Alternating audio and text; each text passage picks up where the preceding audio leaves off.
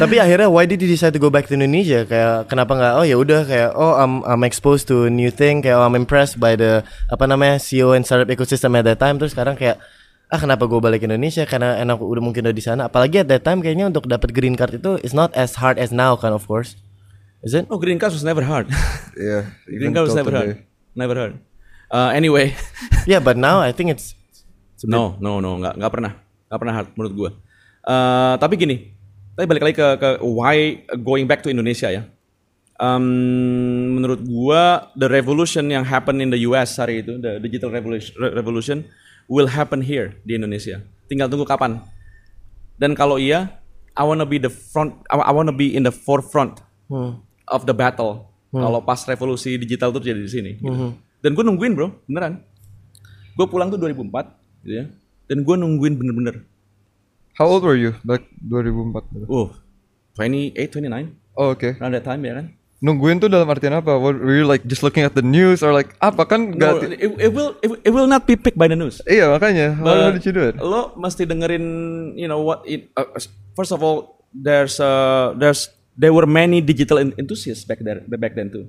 Dan ada sekelompok anak-anak yang pulang dari Amerika Serikat tuh banyak banget hari itu. The, the, the influx of, uh, of, of, of repatriates orang-orang seperti gua nih yang udah lulus dari Amerika, kerja dari kerja di Amerika, terus pulang ke Indonesia, memang pada mau bikin ginian. Dan because we were exposed to that, remember?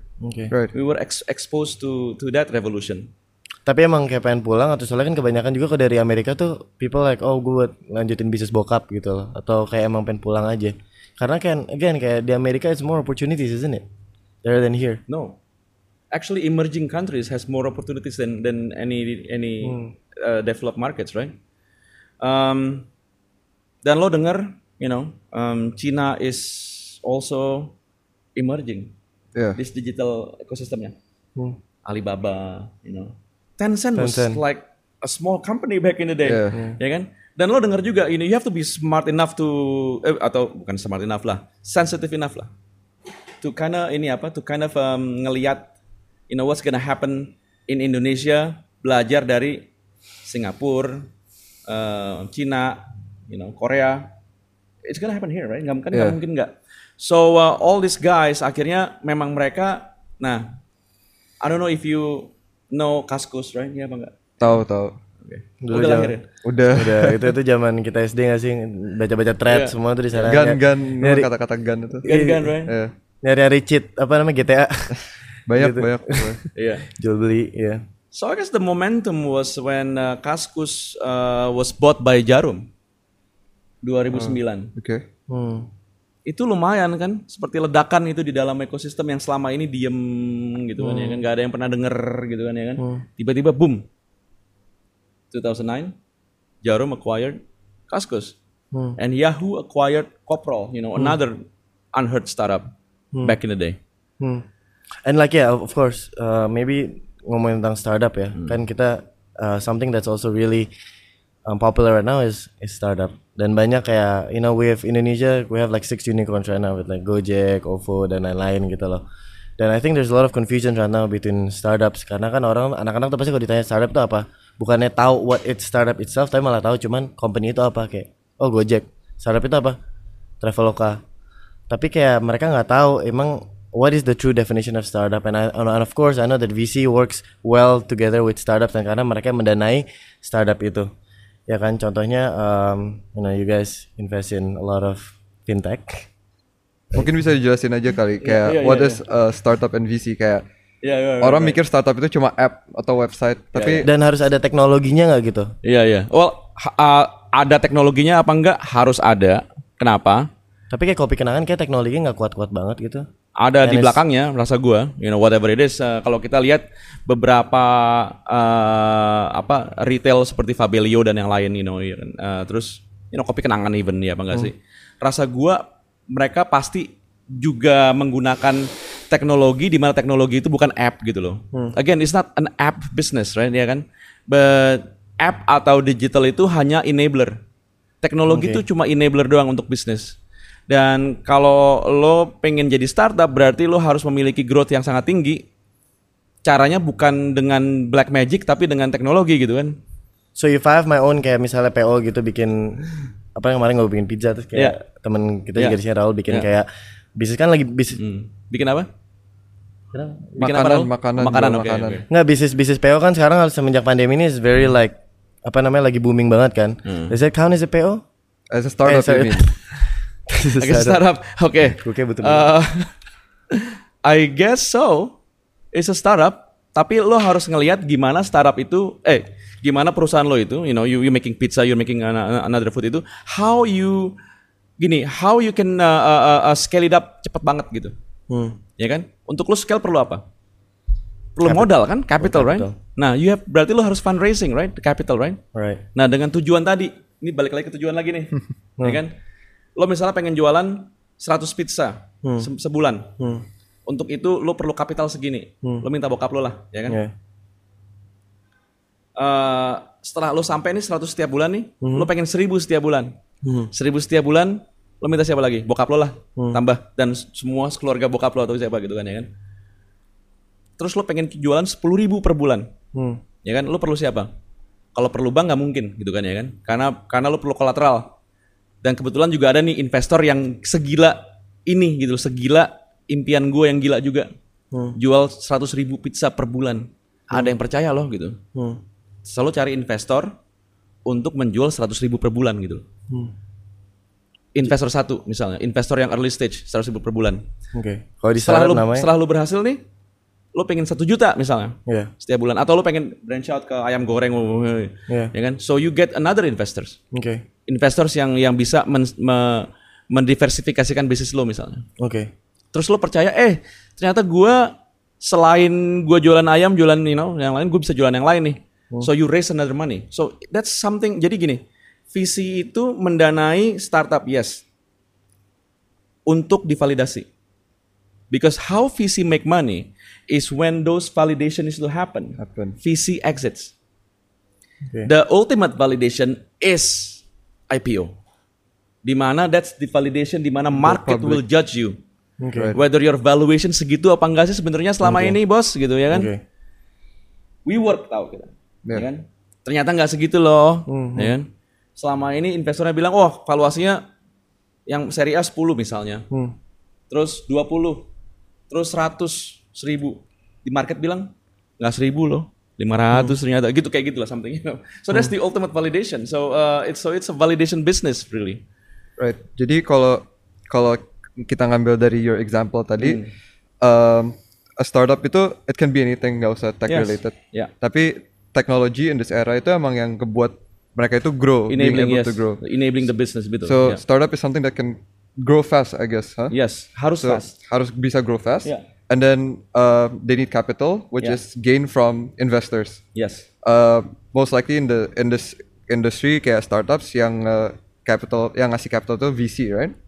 because VC has the risk appetite untuk itu Right. untuk bikin sejuta tadi Iya benar-benar. Ya. Terus Kalau ke bank mungkin sejuta yang bener aja loh gitu kan ya kan. Right. Atau mungkin ke investor tradisional lainnya sejuta masa sih gitu. Emang perbedaan antara bank dan VC apa pak? Kok kalau misalnya I mean I know cause I'm working there but I mean mungkin untuk kawan-kawan yang nggak tahu perbedaan antara bank dan VC itu apa? Mungkin kalau misalnya Kaget bank tadi gue denger ya, oke. sebentar, Enggak, ba- but maybe before we go there, sebentar. Uh, ini mungkin dikat-kat aja sih kalau misalnya yang kayak gini. cut, cut. Jangan ini jangan jangan. Bukan maksudnya mau uh, sh- uh, ingin ngomong tentang cash share sama kalau bank itu kan debt. Iya, Mereka iya, kan ngasih ngedebt gitu loh, kayak ngasih ngasih Utang, utang. wait, wait, maybe before that, uh, balik lagi mungkin kayak Tapi desa tuh technical kayaknya deh. Lanjut lanjut. ya kalau tapi kayak intinya I'm just trying to kayak uh, apa simplify jadi kayak and then kita bilang kita perlu investor terus ada investor yang masuk biasanya orang kalau invest bilang kan oh udah gue invest tapi lu berani kasih berapa persen dari bisnis lo or something Yeah. like that right dari situ Equity, right? Yeah. equity basically Saham, equity kan saham, equity itu saham. saham Oh, iya. As itu jadi investornya dapat saham.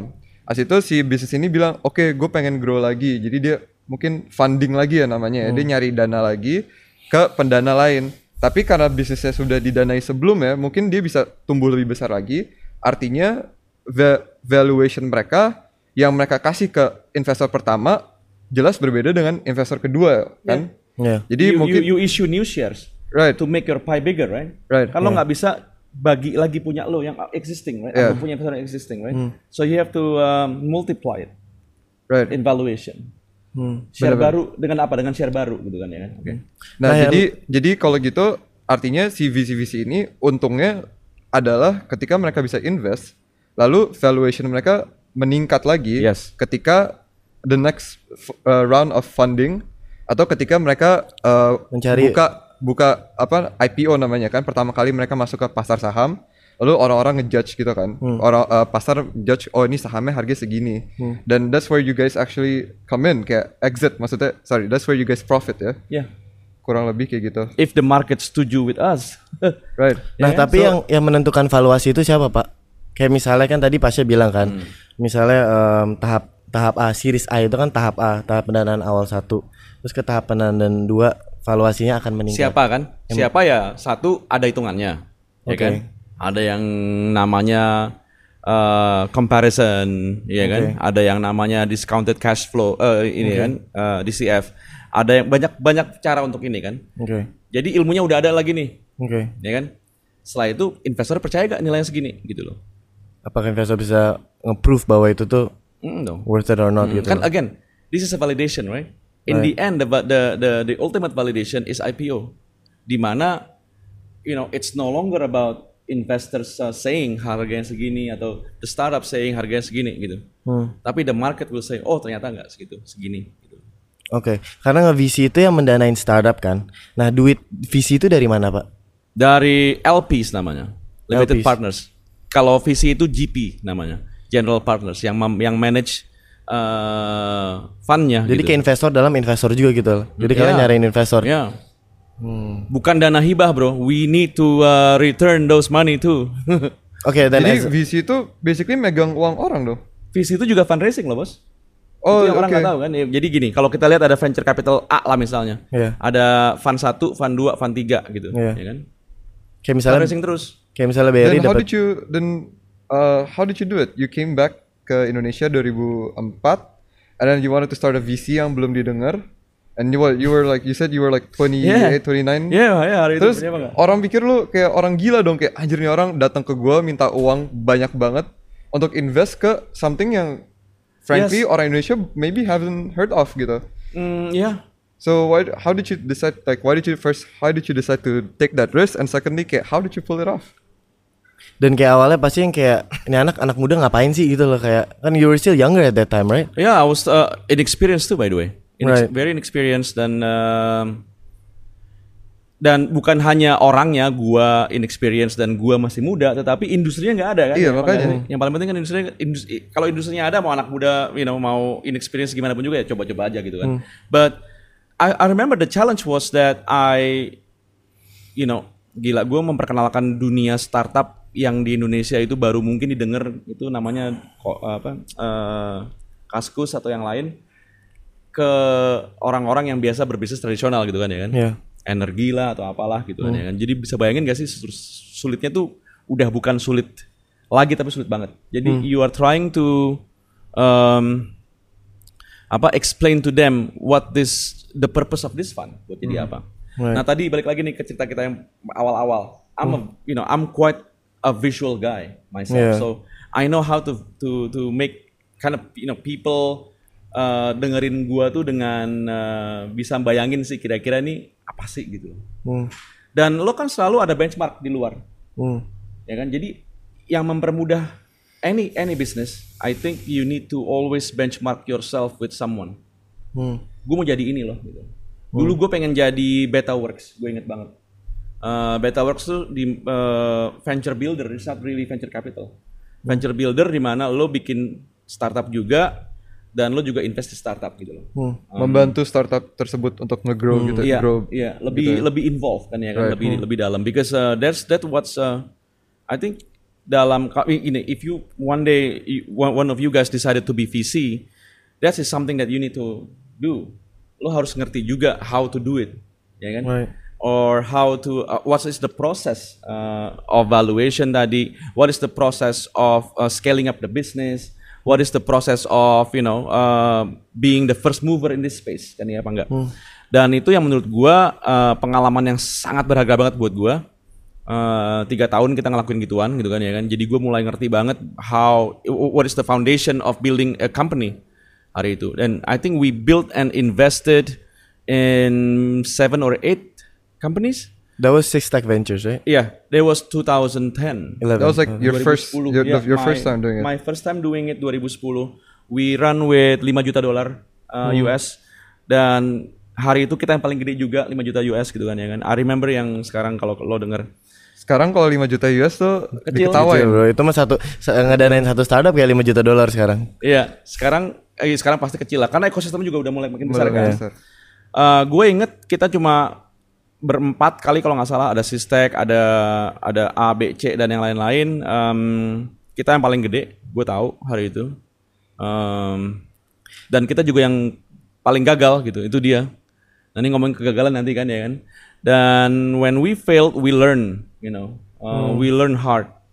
And uh, yang paling penting dari kegagalan itu adalah how to, you know, how to reach, you know, fine tuning again your your your your thesis akhirnya.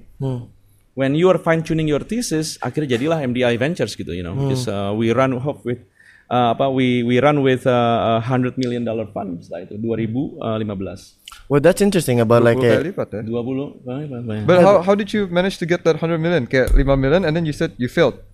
Yeah. Like Enggak, karena How kan did pasti you kan convince kalau people misalnya kita mau entering something new harus ada portfolio baru yang kayak oh he was a success but now like as his tech you said was was not really a success. Ya, it's just like was, it's just like blows, man. I mean, uh, gila itu gue lumayan, gue nggak pernah, gue jarang sih ngomong uh, ngomongin sistek di media gitu ya. Ini mungkin yang pertama buat gue. Um, it's really painful, you know. Um, but most of the team are MDI dan you know uh, team uh, sekarang. Dan we uh, we share our stories, our our you know failures. We, we, you know, we, we, we gini gini. One thing about failures adalah yang orang-orang sering omongin adalah ya, uh, lo harus lo harus apa? Kalau gagal biasanya apa sih? Uh, You have to learn from your failures. bangkit lagi dan yang lain. Yeah. But it's it's it's it's it sounds so cliche, right? Ya kan? But menurut gue ya kalau lo gagal, lo harus ngomongin lagi sih. Lo harus ngomongin lagi sama orang-orang yang gagal sama-sama lo gitu, bareng lo. You keep retelling that stories, you know. Dan gimana kita nge-convince orang tersebut bahwa dari kegagalan dia kita mau bangkit, Pak? Eh, oh ini ngomongin uh, gue fundraising lagi ya, jadi Yeah. MDI ya. Yeah, yeah. Um, simple bro, karena gini, eco, the, the ecosystem was still in the early early early you know early days too. Even 2015, percaya apa enggak? Dua, even 2015 is still early days. Jadi dari 2010 2011 ke 2015 itu nggak banyak perubahan, ya kan? There's still no unicorns di Indonesia. Hmm. Di Kayak dulu cuman kasus doang yang terkenal ya. Yang even Oh yang iya iya well uh, di Singapura kalau nggak salah ada Razer udah. Hmm. Tapi itu hardware hari itu masih, Iya. ya kan? Di Indonesia masih belum ada, Hmm. ya kan? Uh, and I remember some of the unicorns was like hiatus hari itu 2015 14 ya. Bikin tapi nggak ngapa-ngapain. So uh, you know kalau cerita itu sebenarnya ada sih di podcast Dava udah dengar gitu kan ya kan kenapa kita dapat uh, 100 juta dolar gitu Apple ya, Music. uh, buat MDI. Kita juga nggak dapetinnya mudah bro. Setahun itu prosesnya dari 2014 ke 2015. Itu kita ngalahin tiga visi lain. Hmm. Visi lainnya tuh lumayan terkenal lah nama-namanya. 100 startups, Bintang Ventures. Ini diumutin nama-namanya. Bintang Ventures, Ini bukan nama asli ya, by the way. Uh, terus satu lagi uh, Phoenix Ventures lah gitu, ya kan. Jadi ada ceritanya tuh, itu cerita itu lumayan sering diomongin orang gitu ya. Uh, it become urban legend gitu di divisi gitu. And how um, how we uh, how we won gitu, you know.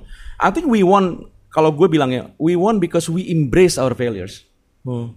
Karena yang lain tuh lebih men- menjual, you know, if you put money in us, then the then your money will be multiply sekian, your IRR every year akan sekian dan yang lain. So it was like promises lebih di dalam pitchingnya mereka gitu loh. Kalau gua lebih pitchingnya lebih, you know, I fail, ya kan? You don't have to fail like me, ya kan? Gua share semua kegagalan gua. In fact, tau gak apa? Kita setahun akan bicara kegagalan terus, you know. So I think in the end, uh, you know, my investor at that time gitu kan ya kan, uh, just you know Telkom dan ya, teman-temannya, um, it was like bilang, hey, there's a, there's a sincerity in this, right? There's a there's there's some truth in this guy, you know. That ekosistem masih baru gitu. Why don't we learn together daripada gua kasih uh, dana gua ke orang lain yang manage di mana uh, yang dibahas hanya janji-janji aja gitu, ya kan? Because uh, Telkom is learning hari itu about the ecosystem. Why ecosystem uh, terbentuk, ya kan? Apalagi baru mulai. Dan how ekosistem uh, bisa melihat, you know, potensi kegagalan dan keberhasilan bersama gitu. So I guess that's something else, uh, you know.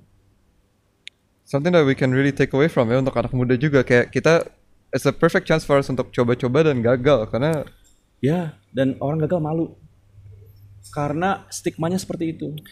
So you more like embrace your failures and, like Gini, yang mungkin harus ditekankan di sini adalah ya, failures itu painful, ya kan? Embrace that pain. hmm, tapi you're pretty crazy man kayak lu fail tapi lu bukan fail sendiri gitu you fail with with uang yang substantial juga mungkin dan dengan orang-orang lain The- how did you like I, I don't think everyone could apa ya take that that stress right atau Ya, uh, again gini, this is uh, this is the 21st century economy hari ini ya kan. If if you don't evolve along the way sama you know keadaan kondisi kayak begini. Uh, do you remember when Elon Musk sold PayPal? oh not quite sure when Waktu dia sold PayPal, he invests all his money, right? invest all his money away ke baterai, ke Tesla. Tesla. Langsung bangkrut. SpaceX. Maksudnya bangkrut dalam masa liquid cash Setelah ya. itu, yeah, that's, he has he got no cash hari itu, and he live off uh, his uh, his friend's apartment di sofa, Hmm. right? right So that is something yang harusnya ada, you know, in your DNA to take that risk gitu kan ya. kan? Because with without risk, then I don't think you can even push any barrier to grow. Kalau gue percaya gini, you know, this is a set of balik lagi nih ke kita tadi, this is a set of rules in life, gitu kan ya. Ini yang lo dibilangin gak boleh lewat dari sini nih, ya kan? In this context misalnya kita bicara tadi eh, adalah uh, why don't you just play safe, right? Untuk untuk teman-teman yang masih takut ah ke kiri ke kanan gitu kan, udah dibilangin gak boleh begini gitu kan. But what happen if you push terus tembok-tembok ini, bro? Yeah. One day something yang di sini akan keluar. Yang di sini tuh mungkin something else yang lu nggak pernah kepikir sebelumnya, right ya kan? tapi But it's fearful to not knowing what's gonna happen on the other side of the barrier gitu kan. Tapi kayak isn't there shouldn't there be like a midpoint juga di mana kita of course we shouldn't be scared. Kita harus take risk. Hmm. Tapi jangan jadi stupid juga. Kita take Yeah. risk blindly gitu. Uh, for you, where is the limit? Kayak um, ada nggak kesempatan yang lo pernah? I, I'm not sure ya. Kayak I'm completely not sure now. Tapi um, speaking blindly aja nih. Um, kan you you're a VC, you've in, you invest and stuff. Ada ada orang yang datang kalau maybe a couple years ago and then they ask you invest in us tapi um, if you're a super risk taker eh, maksudnya their pitch wasn't that good or their data or their numbers isn't that good uh, so you decided not to invest tapi if you katanya kan if you be a risk taker you take it gitu kan Yeah. karena risk taker karena you maybe you actually see the potential so like what's the midpoint of being like blindly taking risk only and taking risk but also being smart like what's the ini and is there an example yang you've experienced kayak oh sekarang udah besar tapi dulu nge-pitchnya jelek so I didn't take the Iya, risk iya, of course banyak banget. Gojek. No no bukan bukan no no no I mean uh, uh, gua gua I mean, you know I I don't know Gojek because uh, I I I never invested in them. Tapi ya of course ada. Dan gini gua you know I've I've been investing in almost 100 startups. Berarti dalam selama hidup gue nih karir gue 10 tahun di deal investment of startups. I I I talk with at least 800 orang kali mungkin. 800 startup founders. Hmm. Yang jadi ada, yang nggak jadi pun juga ada. So that's gini, my my point adalah uh, it as as you grow doing this for 10 years, you kind of have a you kind of develop that instinct akhirnya to kind of to kind of know what kind of company yang akan berhasil, what kind of company yang akan enggak, what kind of founders yang lo percaya, yang mana enggak. So uh, in the end kalau gua ngelihat misalnya especially on the early stage of startups di mana mereka belum ada laporan keuangan, belum ada validasi uh, market, belum ada profit dan yang lainnya atau you know even um, Yeah. uh, belum ada revenue masuk gitu ya. Gua ngelihat dari conversation sih. You know, with you know with this guy. Dan gue cari pasti yang nggak nurut. Kalau startup ini udah belum apa-apa ya, udah takut.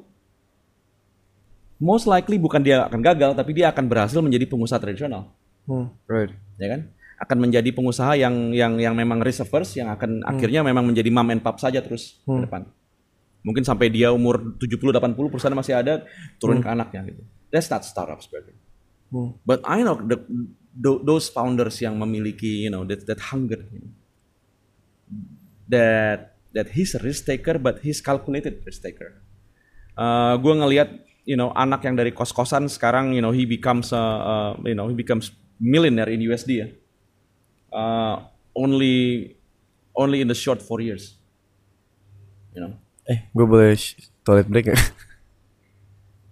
Guys, can we take a toilet? Can we take a break? Yes. Yes. Bentar. yeah bro